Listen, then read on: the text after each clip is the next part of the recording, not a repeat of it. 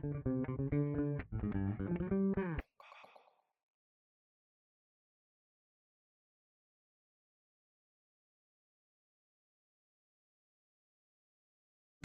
qonağımız çox istedadlı mənə görə. E, Bizə çox çalışqan və istedadlı. hamımıza görə. Sağ olun. Tural Əsədov kim? Tural Əlisoy. Ee, Sağ olun uşaqlar.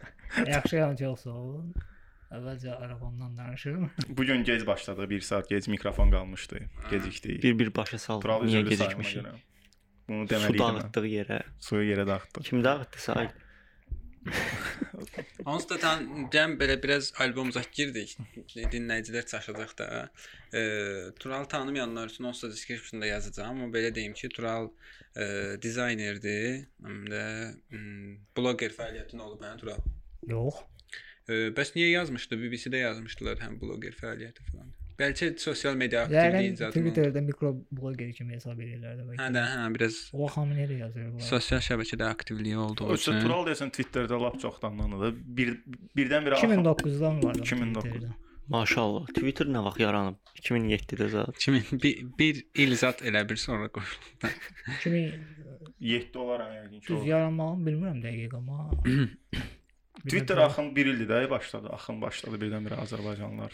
var idi, pasiv var idi. Adı yəni indi birdən-birə Müharibə dövründə çox şey oldu. Prezident tweet atdı deyə. Hə.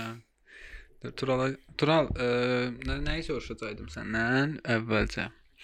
Birinci mənim maraqlıdır ki, dizayna necə başlamısan? Necə oldu ki, ümumiyyətlə sən hiss elədin ki, hə mən dizayna mən dizaynla məşğul ola bilərəm. Məndə mən- alınacaq da. Dizayn hələ də başlayıram. yəni, yəni, davam edirəm. Məncə yox, o biraz yenə bizim qonaqlarımızın çoxu təvazökardır. Və mən Heç sevmirik təvəzzükarlıq. Təvazökar qonaqları sevmirik. Çıxıb Hə. borcu danışmaq. Yox, Turalın üstə Instagram girdim. Qalmaqal işlərinə bax- yaratmırlar bizi. Yox, mən yəni ə, düz özümü tərifləməyi xoşlamıram, amma elə işim var, öz xoşuma gəlir, eləsi var ki, bəyənmirəm də. Ona görə bir növ şey e, baxan deyə bilər ki, hə, mən nətər iş görürəm, yaxşı, pis. Hı. Bir də bilmirəm, mən təcrübə elə şeydir ki, elə sırf işə hakim olasan mən iddia eləmirəm ki, sırf hakiməm. Bilirəm müəyyən qədər. E, o şeydə çalışıram ki, daha yaxşı olum. Fokuslanıram da işimə. Neçə ildir məşğulsan dizayn? 2000 2011-dən. Wow. 10 il. 2011-dən.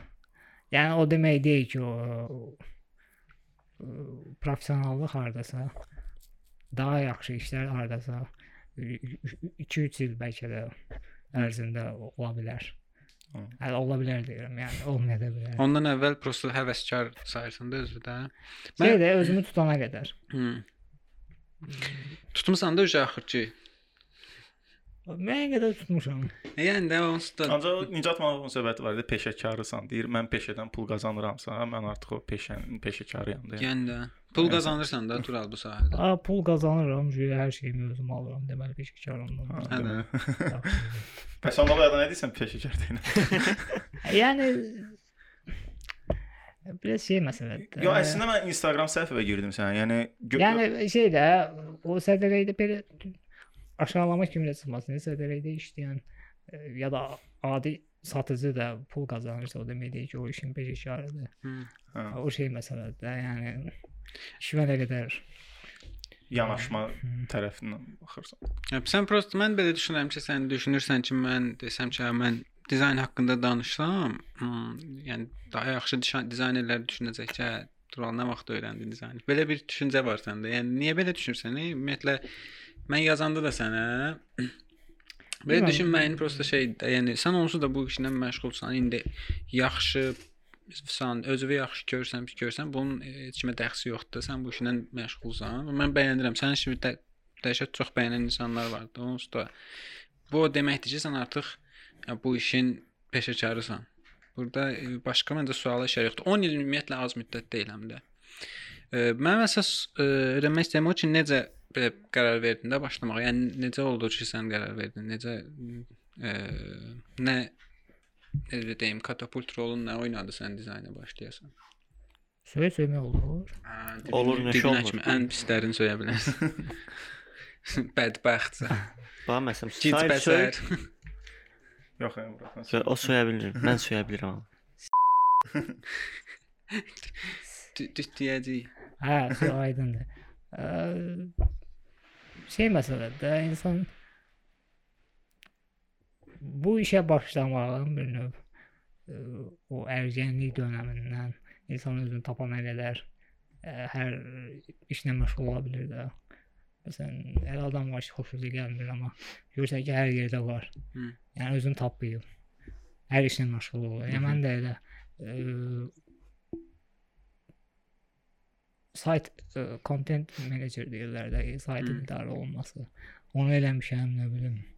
Orda öyle şeylər hazırlayırdım o mövzu üçün ə, şəkil filan nə bilim post verirsən. Hı. E, Hele hele öyle fokusumu oraya verdim gördüm. Gördüm mən də olmadı. Bir də özün öyrənmisən də, yəni belə özün öyrənmisən deyəndə Yəni indi onlayn öyrənmə dövrüdür hə. daha çox. Düz onlayn öyrənmişəm amma ə, ə, bu agentliklərdə zadda da m, işləmək İş təcrübəsi ayrı da, hə. Biri var iş təcrübəsi başqa şey öyrəndir. Bir də var prosta işə qədər də o öyrənmə müddəti var. Biri var kurslar və s. olsun. Bir də var özün üzərində işləyib nələrsə onlayn internetdən dərslərə baxmaqla öyrənmək. Bu tamam Məktəb başqa. vacibdir. Hı. Əvvəl fikirləşirdim ki, onlayn dövrüdür, amma belə baxanda müəyyən qədər ə, şey lazımdır. Mə- Azərbaycanda bəs bu məktəbi nədir? Kod akademiya, yəni nəzərdə tutursan. Yəni dizayner məktəbi. Ha, institutlarda Yox, var. kurslar sayılır da, Kurslar. amma institut deyəsən Var. İncəsən varsa Memar, inşaat. Səhv etmirəmsə o, o orada ə, elə bir şey var. Var hansısa universitetdə elə bir qrafik Amma dizayn nə şey- dərəcədə şey aparır o mövzunu. Hmm. İndi dəhşət çox dizayner var elə. 2-3 nəfərdən biri hamısı qrafik dizayner. Çox. Bir ara fotoqraflar çox idi, indi qrafik dizaynerlər. Bir dənə də Bir- qrafik dizayner götürüb çıxırıq. o bir şey var idi o vaxt. Kim Xoseyin yazmış sözü lan? idi. O vaxt kim idi bilməydim səydi. Ərşad Xoseyin o söhbət var idi. O kimi də, yəni o vaxt kimi idi. 2-3 nəfər. Hə. Sonra sosial media meneceri zat biraz populyar. Biraz tələbat artdı da, onun üçün həm də kurslar çoxaldı. Şirkətlər yəni. çoxaldı Azərbaycanda. Yəni ayso. Ümumiyyətlə ümumiyyətlə tələbat olması da normaldır sahəyə. Çox. Eee Bir də ki, kurslar məsələn, mən düşünürəm ki, onlayn öyrənmək varkən biraz o qədər boş şeydir. effektiv, hə, effektiv görmürəm də. Yəni baxır əslində bilmirəm. Kursa mən, mən məncə- dizayna heç vaxt belə başlamamışam, çalışmamışam öyrənim. Amma düşünürəm ki, öyrənmək istəsən hər bir şeyi bir çox şey deyim ki, internet üzərindən öyrənmək asandır. Məncə kurslara sıfırdan yox, müəyyən qədər biliyin varsa elə gedib elə ki, şey dərsə kitabın ortasından başlamaq kimi də. Amma sıfırdan başlamaq biraz həm büdcə baxımından mənə elə gəlir sərf eləməsən. Hə, ə, Tənbəl insan olsa tənbəldir də, yəni. kursda Photoshop Nə öyrədir. Yəni alətləri öyrədir də deyəsən. Düz deyil, müəyyən şey- şeyləri Şey də öyrədir. Orada hə, nəsə texnikanı filan. Ay, indi. Təkcə Photoshop öyrətməz də hər halda dizayn nədir, bir onu da öyrədir də hətta başlayanda ki, nədir, nə edəsiniz. Bir dənə gedən necə qutarıb da, şey deyirəm. hə. Doğrudan sən deyət reklam eləməyək zəhmət olmasa. Bib qoyarıq ora. Hə. Hə, sıfırdan elə bil dizayn nədir, kompozisiya qurmaq zətdə belə toolları öyrətmir də, bu bu işə yarayır falan. Ümumiyyətlə o qaydaları zət. Hə, yəni hamısını. göstərmir də bu bunu bu alət bu işi görür. Hə də daha Yəni heç başdan da göstərmir. başda göstərir. Hə, yəni Aləti onu göstərir ki, bu alətlər bu işi görür. Hə, indi gedin bu posteri düzəldin gəlin. Hı. Hmm. Elə elə ucu sonradan Qrafik Şey- dizayn şeyində getmişdi. hə Yəni çox yaxşı təcrübəli adam. bu Bungakın loqosunu yığıb da, yəni nə bilim. Bayaq baxdın Tural Kodum. bəyəndin sən. Bayaq Turalı göstərdik. Bayağı bəyəndim. Tural mən bayağı Bə- bəyəndim. İndi İndi bəyəndim. açıq deyə bilərsən. Yox, səmimi fikirlərimi denəndə, yəni bəyəndin. Mən xoşum gəldi. Yəni orada dedim də bir Hə, şey əlavə də eləsə bəlkə də Bayaq da bir də fontdan danışırdıq. Fo- ə, Koreya bayaq dedim ki, əlavə eləmək istəyirəm nəsə fontlarla ə, sözü düz dedim mən. Düz demirsən, hə? Şi- Font Bir də Font biz bir şey söyləyim. Bizim dildə şrift deməliyik yoxsa font? Valla o font da demiyorlar. Tipografiya diyor. Tipografiya biraz O şey fərqli sahibi. termin. Font demək daha mən rahat Bizə gəlir. əvvəldən amma- şrift deyilib. Eyni şeydir də amma Rus- şrift və font. Şrift rus sözü, hə? Ş- Şrift. Yo elə desən bizdə də var. Desən yox, bizdə də var. Şrift gedir yəni söz. Ümumiyyətlə belə deyim də, sən bir son vaxtlarda intensivləşdirdin də, hə? Nəm fonta font ümumiyyətlə görürəm sürətli belə progressiv işlər görürsən daha çox font şeylə üzərində, hə. Ee, o şey var da dediyim kimi bir şeyə hakim olmaq, fokuslanmaq indi. Əvvəl məsələn qrafik dizaynda çox şey eləmək istəyirdim, amma indi baxdım ki biraz yeni sahədir, ona görə Hı. e, bir vaxt xırda iş götürsün, bir o böyük iş. Həm onda daha yadda qalan olur, amma xırda iş elə bir ki, esimin şeyi kimidir. Mənə elə gəlir, yəni Hə. o da bir şeydir. Ə, məktəb kimi sayıla bilər. Hı. Amma yəni bir momentdən sonra bu sənə yaradıcılıq şeyi vermir. Hə, bir yerdən sonra ancaq sən bir kommersiya nəsə nəsə hazırlayırsan. Agentlikdə yeni başlamısan da müəyyən qədər təcrübə toplayana qədər hə eləmək olar. Hı. Senin olur, qabında nəsə olur. Amma belə sırf font hazırlamaq tamamilə spesifik bir şeydir də. Yəni dizayn içində ayrıca bir sahədir. Bunda yəqin ki, yəni yaxşı eləsən onsuz da ə, mən gə- səndən başqa ümumiyyətlə belə var, ə, var ya hər halda font hazırlayan insanlar, amma belə dal, Sırf davamlı ə, olaraq. davamlı olaraq sırf mən edirəm şəxsən. Hı. Yəni mən düz görməmişəm kimsə ə, bunun satışını eləyə, Hı. bundan gəlir götürə. Amma eləyənlər var məsələn ə, Kənan var bildiyim qədər, Şamil. Belə ə, sırf o font ailəsini hazırlayan məsələn şey deyirlər, light, nə bilim, bold, Hı. regular ölçülər var. Hə. Onu yəni sırf family kimi hazırlayan yoxdur. Şey, ə, Nihat Ceydə, Nihat C, Hı. o hazırlamışdı Şuşanın bilmirəm görmüşdünüz yoxsa yox, Şuşanın ə, yazısının şriftini, yəni o hazırlamışdı, şey eləmişdi. Sonradan Şrift alına salmışdı. Hə, şrift salması salmışdı sonra. Sonradan nəsə də o eləmişdi, sonradan o Şuşa yazısını başqa adam deyəsən təzədən. Hə, Dizayn başqa adam, yəqin ki bilərsən. Deyəsən Ceyhun-. Ceyhun hə, Ceyhun, eləmişdi. Ceyhun İmanovski. O da pis deyildi. Mən də onu da bəyəndim, onu da bəyəndim. Oxşu bənzər idi əslində. O da yəni Oxşarlar. Oxşar olmağı normaldır. Bir də sən şeyə bu indiyə qədər şirkətlərdən bir dənə Movra font hazırlamısan da, deyəsən hələ ki, hə? Və bu gün paylaşmışdın deyəsən Azərbaycanda font sifarişi verən bir dənə Movra. Mover hə ilk e, şirkət olmuşdu. Amma belə başqa şirkətlərin e, düzdür, hazır fondlarına deyək ki, rus hərfləri olsun. Daha çox o gəlibdi. Hı. əlavə eləmişəm. Hmm, Bir də Ödəsən bir də Mover idi ha, rəsmi. Hı. Amma Mover'in loqosu da sən. Yox, o mənlik deyil. O samolyot da onlardan. Yo, o, o başqa bir şirkət idi. təyyarə.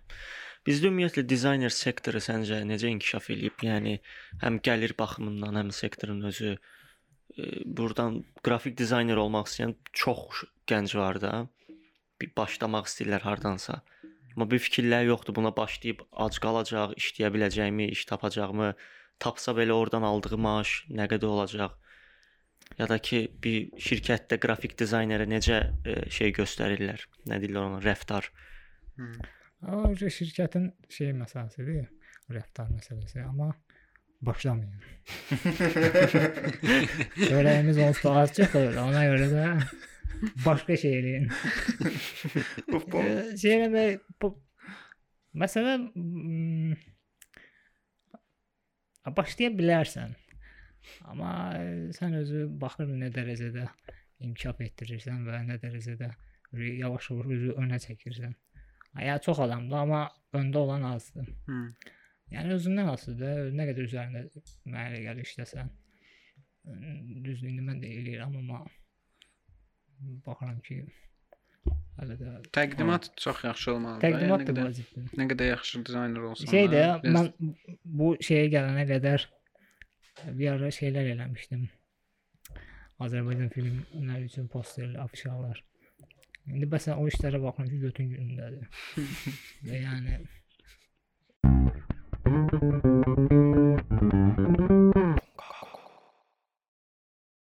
Orda mə məqsəd nə idi ümumiyyətlə Force-un fəaliyyətində? Yəni e, ümumiyyətlə qadın haqqları. Hə, Yəni əsas çox əsas e, mövzusu o idi də. Qadınlar və daha çox onlara yer vermək istəyirdik. Bir iki məqalə oxumuşdum əslində elə o Yaxşı proyekt idi, amma heyf ki e, jurnal mədəniyyəti nə bilim. Jurnal mədəniyyəti onsuz da mən, mən prosta maraqlıdır siz başlayandan ə, düşün onsuz da məncə bunun fərqində idiniz ki, bu o qədər də çox rəğbət görməyəcək bir layihədir əslində. Çünki fiziki onlayn qoyaq qırağa fiziki jurnallar onsuz da çox az Biz ə, onlaynda fokuslanmışdıq, amma o yox. var. E, Çap daha çox ağlımızdaydı. Sonra hmm. o biraz e, onlayn daha mə məntiqli və çox maraqlı idi əslində. onlayn da yəni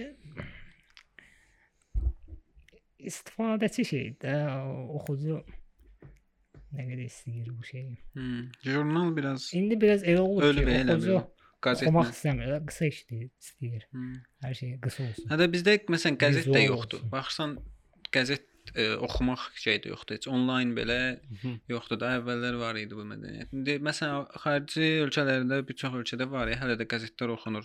Onlayn rejimə keçiblər və yenə də oxunurlar da gündəlik mövzular filan. Qəzet, jurnal demək olar eyni kateqoriyadır və jurnalda da daha çox belə, belə bu tip şeylər, Qəzetin mövzular olur. çapı az ə, xərcə başa gəlir, mənə elə gəlir.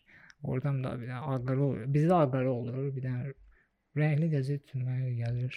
Rəngli çox olmur da. Olur. Uzaq başı əsas səhifə. Və kağızlar da məncə ucuz olar çünki nazikdir və Amma jurnal biraz rəngli şeydir deyə. Qiymətlərində də fərq olur da usta. keyfiyyəti var. ümumiyyətlə Azərbaycanda var yəni satılır. Jurnallar var hal-hazırda Var. görsən sırf ə, Əvvəl çox idi. katalogda, yəni havaya elə. Şey var idi, bir ara Hokka var idi. Sonra dayandıdan Nurlan Həsən. dayandılar. Hə, bir kimdə həbsçi şəxslər idi də indi özləri e, yaradır sıfırdan, amma çox çox artıra bilmir, davam edə bilmir Qan çox. arasında mən eləmişdim o vaxt. Hə, o da maraqlı proyekt. Film fiction var idi, jurnal Film çıxardı. Film fiction hələ də var, film fiction Amma indi jurnal Artıq- buraxmırlar deyəsən. 8-9 il. 2011-dən. Film fiction başlayandan sən ordasan da. Yox, mən başlayandan hardasa 5 5-6 il sonra. Hı. 2015-də idi səhv etmirəmsə. Hmm, yox, hələ də var. Amma əvvəl ə, sırf sıx ə, şəkildə məsələn 2 aydan bir, 3 aydan bir şey eləyirdik, amma indi Bir ə, ildən. kefimizə düşəndi. Film posterlərindən demişəm. Azərbaycanda hansısa filmə, yəni sıfırdan nəsə poster vardı hansında. O vaxt bir o vaxt dediyim biraz çox çıxır. Var 2-3 il əvvəl birinci dəfə e, Arzuların ardınca filmi üçün eləmişdim. Sonra Hmm. İkinci- Ziya ağa ilə Zarina Qurbanova oynayır. sonra ikinci pərdə filmi üçün eləmişdim. İkinci pərdə pa- Hə. İkinci pərdə idi deyəsən. Hə, ikinci pərdə. Ə, 1 var, 2 var, 3 var da yəni. ikiyə mən eləmişdim. Hə. Hə, 2 mən. möhtəşəm Elkən Əskərov Əskərov oynadığı ikinci pərdə. Bir də olmayıb da, ha e, Elşən. Yox, bir də yox idi. Bağışladım get. Yox, Hikmət idi. dur get. Hə, yox, Hikmət. Rəhimov. Hikmət idi. Olsun. İbiş rolunu oynayan var idi orada. Hə, Elşən hə, Əskərov. şahid. Ha, Elşən Əskərov. Rejissor idi o səfər Hüseyn rejissor. Həm teatr rejissoru səhnə Əsada qurmuşdu bir dənə. Bozbaş şeylərini o çəkirdi. değil mi? Yo, yo, yo. Yo, sən şeylə səhv salırsan o biri. Yoxsa ə, Elşən Əsəd Əsadan. Əsada Əsan aktyorudur. a, a, üzr istəyirəm. Hə. Qarışdırdım o. Neysə oxutdum onu. Bozbaş da dedin, deyirsən. Ay, yox, üzr istəyirəm. Yox, Eşən ə, o da da Ə- Əsad teatrında gör şey olmuşdu. Sən deyən şeydir, Timanın arvadı verir. Hə, hə, hə, Hə. Aha, orada şey incə sənətə gəlmiş. Düz deyirəm Bozbaş. Orada baxın. Mən lap pis elədim hə Düz deyəsən. deyir, o bozbaşdır. Üçüncü Ya o da film. yaxşı aktyordur, nə deyim? e? Abi sən ə, kimsə qınamaq düz deyil, mənə elə gəlir. Ə, Roluna oynadığı rola görə deyirsən kimi? Ya istər nə bilim gördüyü iş kimsə bu işi görürsə bundan yəni tələbat varsa bunu eləyirsə bunun da problemi deyil də, yəni bu eləyir. Hı. Almaya bilərsən ya da baxmaya bilərsən. Hı. Amma baxan var, alan var. Qardaş istəyir, pulunu götürür. Nə, nə,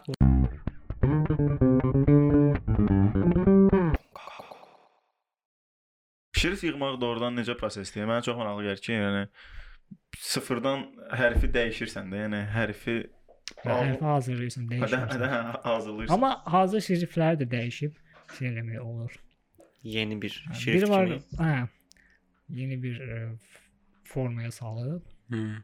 ölçülərini. Çətindir məncə onsuz da, yəni çox vaxt Bir də alan ki, şey ən- də onsuz bir təzə bir font. O kim o, o kim məşğul olur o ə, ü əlavə eləmək. Yəni siz Hə, ya, ya, ə tapmaq zülmdür. Mənə ən çox o sifariş gəlir. Hə. Bizə bir də ə. Ə yoxdur bir dənə. Baxırsan ki, bir vaqon fontdur. Hə. Ə əlavə eləyirsən oturub. bir də mənim bir dənə qız dostum var, dizayner. Deyir mənə çox çətindir də. Küçədə gəzirəm. Bir dənə nəsə Ha, biz verişdən əvvəl Hə. danışdıq o söhbəti. Ya ya ya. Cəmaata bildirməyəm. Ay yox, onu demirəm. O da, Hey, hə, başqadır. Cəmaət indi də bunlar nə danışıbsan. İndi işdən qal. Belə rəsmi danışmağımıza baxmayın, amma Nə edirsən? İşdən əvvəl qoy ha qoy. Qızı təzə yola saldı işte. Hə. Tural, bir sən Buradan nə? qızlara səslənirəm, təkəm. Valla İşdən çox bunu istəyir, amma yox. Gəlin sizə font ya.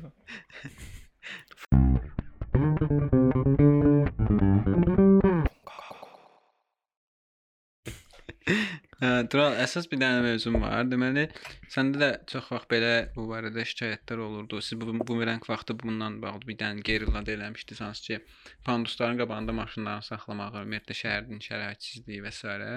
Yəni bu çox adamın bu, bu yaxınlarda O problem DJ Tural da eləmişdi. Belə bir dənə verilişində. Təkər arabası ilə gəzirdi şəhəri, yoxlayırdı, test eləyirdi.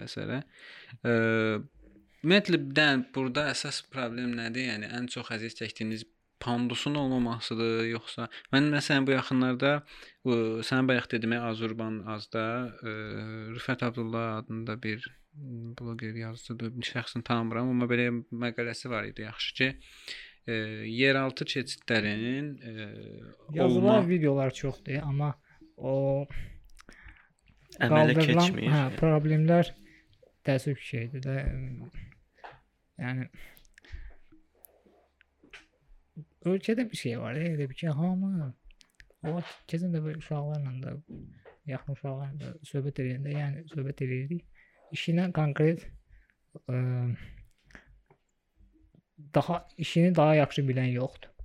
Hamı şey kimi Amatör. Amatör, hə. Hı. Yəni mən də məsələn amatör hesab edirəm özümü. Hələ ki amatörəm. Olsun eləyirəm amma mm, şeydir. Təcrübə əskiciliyim var. Yəni işinə hamı şey yanaşdığına görə yaxşı. İstər memar olsun, memar onun şeyini. Bu ən çox memarların günahıdır görəsən. Yoxsa yəni memardan da əlavə ə, bu işi üzərində duran bunlara? təşkil eləyən ya da ki buna işçinin üstündə iş şey edir. prorabdan tutmuş memara qədər hamı günah günahkardır məsələdə. Bir də orada müəyyən ölçülər var da. Məsuliyyətsizlik var. Yəni işin işin normasında mən, yəni də, məsuliyyətli yanaşılmır. Bunun da Bir də bunun səbəbi günahkarı bizik. xroniki olaraq gedir də. O qədər çox problemli şeydir ki, hərdən özüm də fikirləşirəm ki, yəni məsələn mən bir yerdə işləyəndə o şirkətin ə, mənə uyğunluq olması üç- üçün gərək biraz qurduğu şərait elə olmalıdır ki, mən həqiqətən də özümü rahat hiss edeyim. Sən bir də müsahibəndə də demişdin ki, bəzi şirkətlər götürməyib ümumiyyətlə nəsə bu məsələyə görə nəsə. Hə, elə bir şey olmuşdu. O vaxt bir agentlik var idi. Bildi ki, bəs şeyəm araba ilə amma yaradıcılıq uğurları hazırlayıram. Olsun da nə olur ya. Sən şey verginən öyrənib sonra da. Nə dəxli var buna şey. Hələ yəni götürə bilmərik də qısaca. Dedi biz sizə şey verəcəyik yazdı. Dedim demək istəyirsiniz yəni yazmayacaq da, yəni qısaca deyək. Hə, Belə Uzatmayaq. Hə, elə belə də yazın. Hə, dedi bizdə belədir. Hə, nəsə. Doğrudan burada elə aşağıda da tam deyil də, başa düşdün, aşağıda var. Hə, məsələn, burada mən pandus var. Burada Plazanın rəhbərliyinə. Qovurlar bizi. Sən necə istəyir ildə bir dəfə olsun. Buna əgər ehtiyac olursa bu pandusa da. Yəni, Yəni bu əlilliyi olan insanlar üçün deyil də. Bu adi şeyə gedirsən, ə, deyək ki, restoran olsun, nə bilim, mağaza. Hı. Belə şey qoyubdu. Bir ə, ayrıcı var da, o problem yaradır. Üstündə nəsə ağır araba ilə gətirir. Hələ görsən ki, özləri əziyyət çəkir, arabanı qaldırıb. Bunu buradan götür də. Bu nə qoymusan? UX Yəni- səhvidir bu. O, o. UI UX. Doğrudan da bu Yəni məsələn UX ara şey olmur da. Yəni hər şeyin UX-i var. hə, da, ümumiyyətlə user experience deməkdir. Yox, İstənilən şey. Ondan başqa bizdə səkilər falan da, yəni Səkilər at boyu Betərdir. yəni hündürlüyü. Və söhbət etsən nədir? Ancaq Bakıda belə problemlər, çətinliklər varsa, gör qıraq bölgələrdə necədir də vəziyyət yəni. Bir də Hə. hamıda şey də. İndi düzdür mən məndə araba müəyyən qədər müəyyən hündürlüyü çıxa bilər də, amma görürsən yol da əziyyət çəkir bir, bir yerdən sonra. Bir araba- olsun. Hə də o mövzu. şəbəkə istifadəçiləri həqiqətən də çox şey olmuşdu. Mən dəstəyi çox görmüşəm özümə qarşı. Hı. Ə, əməliyyat olunan vaxt araba məsələsi o hamısı üst-üstə düşmüşdü təəssüf ki. Ə, mən, mən istəməzdim həqiqətən kimsə bu şeylər yaşasın çünki kiməsə boşda olmaq biraz Hı. yaxşı deyil, şey deyil. Yəni məcbur olsan da amma yenə də hmm, İstəmirsən də kimsə kiməsə əziyyət verirsən məsələdə bu indi şeylər. ölkən şey elədi ki, bu panduslarda söhbət ediləcək. Bax e, mütləq istəyir ki, sən kiməsə möhtac olasan. Hı. Yəni sən kimdənsə mütləq kömək istəyirsən. Ha bu olmamalıdır. Yəni sən öz işi özün görənmirsənsə. Hı. Məsələn həkimə gəlsən məndən soruşur, qardaşımdan soruşur ya da anamdan soruşur. Nə problemi var? Yəni gəzə bilmirəm də uzaq başı, amma dilim var da. yəni Məndən niyə soruşursun? nə problemi var? Adam özü desin də, yəni problem. Şeydə gələcək, bərbərə gedirsən. O vaxt təzə-təzə bərbərə gedəndə necə qırığa? necə istəyir? Mənə də baxmır, ey qardaşıma bax. Dedim yəni məndən soruşa bilərsən də yəni. necə istəyir, necə istəyir. E, don balırsan birinci. Yox, yalnız da sənə deyə bilmirsə qardaşına necə desin, onun üçün necə istəyir. Yəni. İndi Ona bəs görə də bütün 50 olan şəxslər gələk e, aktivliyini həmişə şey eləsin. E, davam etdirsin. Hı. Yazıqlıq yox, amma aktivlik eləsinlər. E, çünki düzdür, onsuz da millətin özündə şey var, kömək etmək sevgisi. Amma soruşub etsə daha yaxşı olar da. Ya görsən ki, kömək istəyir, eləmək istəyir. Əvvəl təzə-təzə çıxanda bu- bunu qoyub vursan keçirəm. Bir e, kimsə gözləyəndə tanışlardan zaten da görüşdü. Yolun qırağında dayana bilmirdim ki, yaxınlaşam qəpik verir dilənçi. Hı. Bəlkə o arabaya bax da var. Yəni arabanın qiyməti nəsə 14000 dollardır da başa düşdün. Səndən bahalıdır da. Yəni. Ona görə də telefonla başımı yeyirəm ki, qoy bilməsinlər dilənçi. Yəni nəfis səviyyəyə düşmüşük. marş orada taksi. Elə bir elə bir ki S klassda oturmusan, kimsə gətirmisən qəpik verir də. Xəstəsən.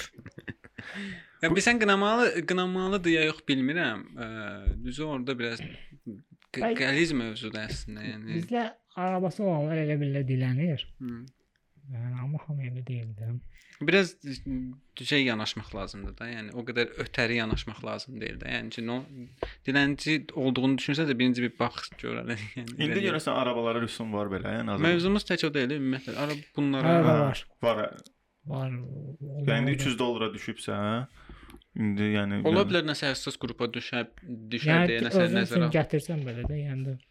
Yo, o şey yox idi. O vaxt Yox söhbət. dedilər ki, yığışdır, yoxdur. Şey məsələsi də var. gətirib satdı belə. kommersiya Öz adına. məqsədi. hə. Hə. Bizim insanların aşırı kömək eləmə Hə. istəyi. Mən bir Onu tanışım məsələn g- gözləri görmür. O ilə söhbət eləyəndə bundan çox belə əsəbi-əsəbi, yanıqlı danışırdı ki, yolda deyir gedirəm də normal. Kimsə gəl, heç salam, sağ ol, heç səsini çıxarmadan tap girir qoluma aparır mənə ki, gəl kömək eləyirəm. Şey Deyirəm məndən bir soruş da. Həm mən Götür, götür, götür. bəlkə istəmirəm, yəni istəsəm deyərəm də özüm. A4 alırdım. Allah haqqı A4. Görmüsən. Vicdanı. Yox, şeyin nəsə deyəcəydim mən. Mən ancaq uşaqlı olur, hə, arabalı. Məsələn, heç adi uşaqla belə. Yəni sırf mən yox da, hə də o uşaqlı arabalar var, anası. Ha, Şey o. Mən əldən biraz pisəm, heç köməkli eləməyə qorxuram. Birdən uşaq yıxılıb ölüb eləyər. Hər yanda bir dənə kömək elə belə çalışıram belə gedim də. Ya Şey da ver də, kömək eləyəcəm amma yıxılmam indi. mən indi uşağa nəsə olsa mən indi. Zəmanət vermir. Keçidlərdə falan şey qoyublar arabalar üçün. liftdir nədir belə? Yeraltı keçidlərdə amma işləmir məsələn. Var, o da amma var. yox. Sonra eskalator işləmir. Yəni bu yeraltı O, o keçidlər. bir dəfə sözü kəsirəm. Yox, Təqdimat idi. Rıfatın filminin Rüyəsən olan yoxdur belə söhbət. hə. Azərbaycan kino teatrındaydı. Orada o şeydən var lift kimi, amma arabam orada ilişib qalmışdı. Nizami kinoteatrında. Sonra yığışdırdılar deyəsən, o da yoxdur. İlişib qalmışdı İki və pilləkən çıxdı yandı, gücü satmadı. Halbuki yazıb 200 kiloya qədər. Bala 173 kilo, məndəki maksimum 30 nə qədər. Allah 42 idim. ya, Bəlkə də ona görə yandı. Bu İki məsələn o. O səbəblərin hamısını o dediyim yazıda da vardı ki, məsələn, insanlar ümumiyyətlə yeraltı, həmçinin yerüstü keçidlər insanların 30% üçün yararsız imiş. E, Ümumiyyətlə Ay yox, indi nə dövrdə yer altında edirsən, yerin üstünə qaldırırsan. Yəni də hə, məsələn yol ver getsin də. bu gün Londonda deyək ki, Amerikada filan ücə ləğv eləyiblərmiş. Yəni şey sayılır. yoxdur, yeraltı və yerüstü keçidlər köhnədən qalanlar var, ücə onları da yeniləyirlər, təzəsində tikmirlər. Necə keçirlər ancaq şeydə o ağ e, Zebra. zebralardan da. O ancaq bəlkə tıxac yaratmağa və yaxud Yox, məsələ odur ki, tıxacların səbəbi də əslində o deyil də, başa düşdün? E, bəlkə də məyin qədər tıxac e, şeyə təsir eləyir, amma bunu yeraltı keçidlər ümumiyyətlə funksional deyil. Problem ordadır ki. Mənə Bakı hətta e, demək olar ən çox yeraltı və yerüstü keçid olan şəhərlərdən biridir. Sovetskidə bir dənə var. ölkənin ya. yarısı yerin altındadır. Sovetskidə o qəşəngdir. Məsəl üçün basırsan şeyi, düyməni, svetofor 10 sayədən sonra yanır. Qırmızı yəni yolu keçəndə ancaq vurursan və yolu keçirsən. Məncə bu zor. Hə, ayso. Ancaq yol- Maraqlı Mən söhbətdir. oxumuşdum ki, onlar işləmir əslində şey üçündür. Mən E, oradakı piyadaya motivasiya vermək üçündür ki, bax sən bastın o indi Biz yoxlamışıq, işləməmişdi bir dəfə. Amma yəni ki, alternativ e, həllər çoxdur və yeraltı keçidlərin yəni ən çox sərf elədiyi adamlar şeydə küçə musiqiçiləridir. Onlardan başqa heç kimə sərf eləmir. İkinci məsələ odur ki, deyirsən, yeraltı keçidə girmək istəməyən adamlar olur ki, gedir qaydan olur da orada. publar olur. evsizlər də Yeraltı orada pub. yatıb eləyir. Evsizlər yata 28 bilən- maydakı yeraltı keçid var. Ora axşam 12-dən sonra gedin. Yəni çox qəribə bir dünyadır da. Bəzən mən yeraltı keçiddə sırf oradakı bərbad musiqiyə görə girə bilmirəm. Hansı 28? Ümumiyyətlə hər hansı bir yeraltı keçiddə də bir də görsən qaqaşın biri gitarı alıb gəlib gəl alıb əlinə, yəni təzə başlayıb da. Türk mahnısı çalır. Sən istifadə edirsən Tural bu yeraltı keçidlərdən alınır səndə. Məsəl üçün bu adi mərkəzdə Targovda bu Yox. Necə Yerin necə istifadə eləsin? düzəməli Başa O Gələ bilmirəm. qırağında var axı, yəni sırf araba üçün. Yoxdur. Bir dənəsində var. Mən qış parkında görmüşəm. Çoxsunda yoxdur. Ola bilər 3-4 dənəsində var da. Hamısında var. Valla xəbərim Yox, yoxdur. Yenə yox. deyirəm, yerin üstündə düzəməli gəzə, gəzə bilmirəm. Hələ bir Yer keçid. altında özüm pala salım. Onu deyirəm də funksionallığı yoxdur. Yəni Özü. hətta bax üçüncü səbəb də o idi ki, bahadır, tikintisi bahadır. Hətta onun e, hər il ona xərc də gedir də eskalatorlara səbəb. Bunun məncə alternativ variantları var, yerüstü keçidlər kimi, e, zebralar kimi.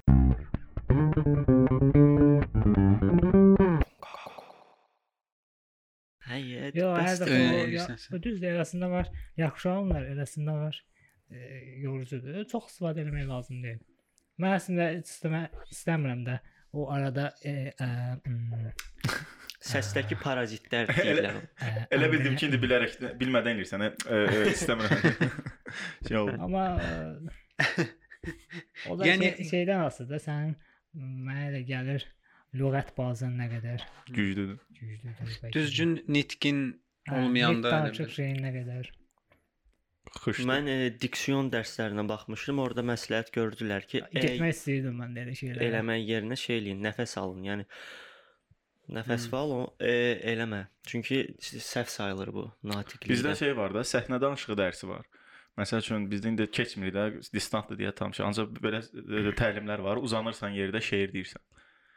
Uzanaraq şeir deməklə, vijin vuraraq şeir deməklə. Hətta məclisdə sözü unutdum, unutdum. Unudub uzanıb yerə şey deyirsən. Bir dənə Bir gözləyir. dənə gözlə. Mən belə öyrənmişəm. Mən müəllimim belə öyrənmişəm. Hə, yoxsa səsi şey eləmək üçün. Səs şey.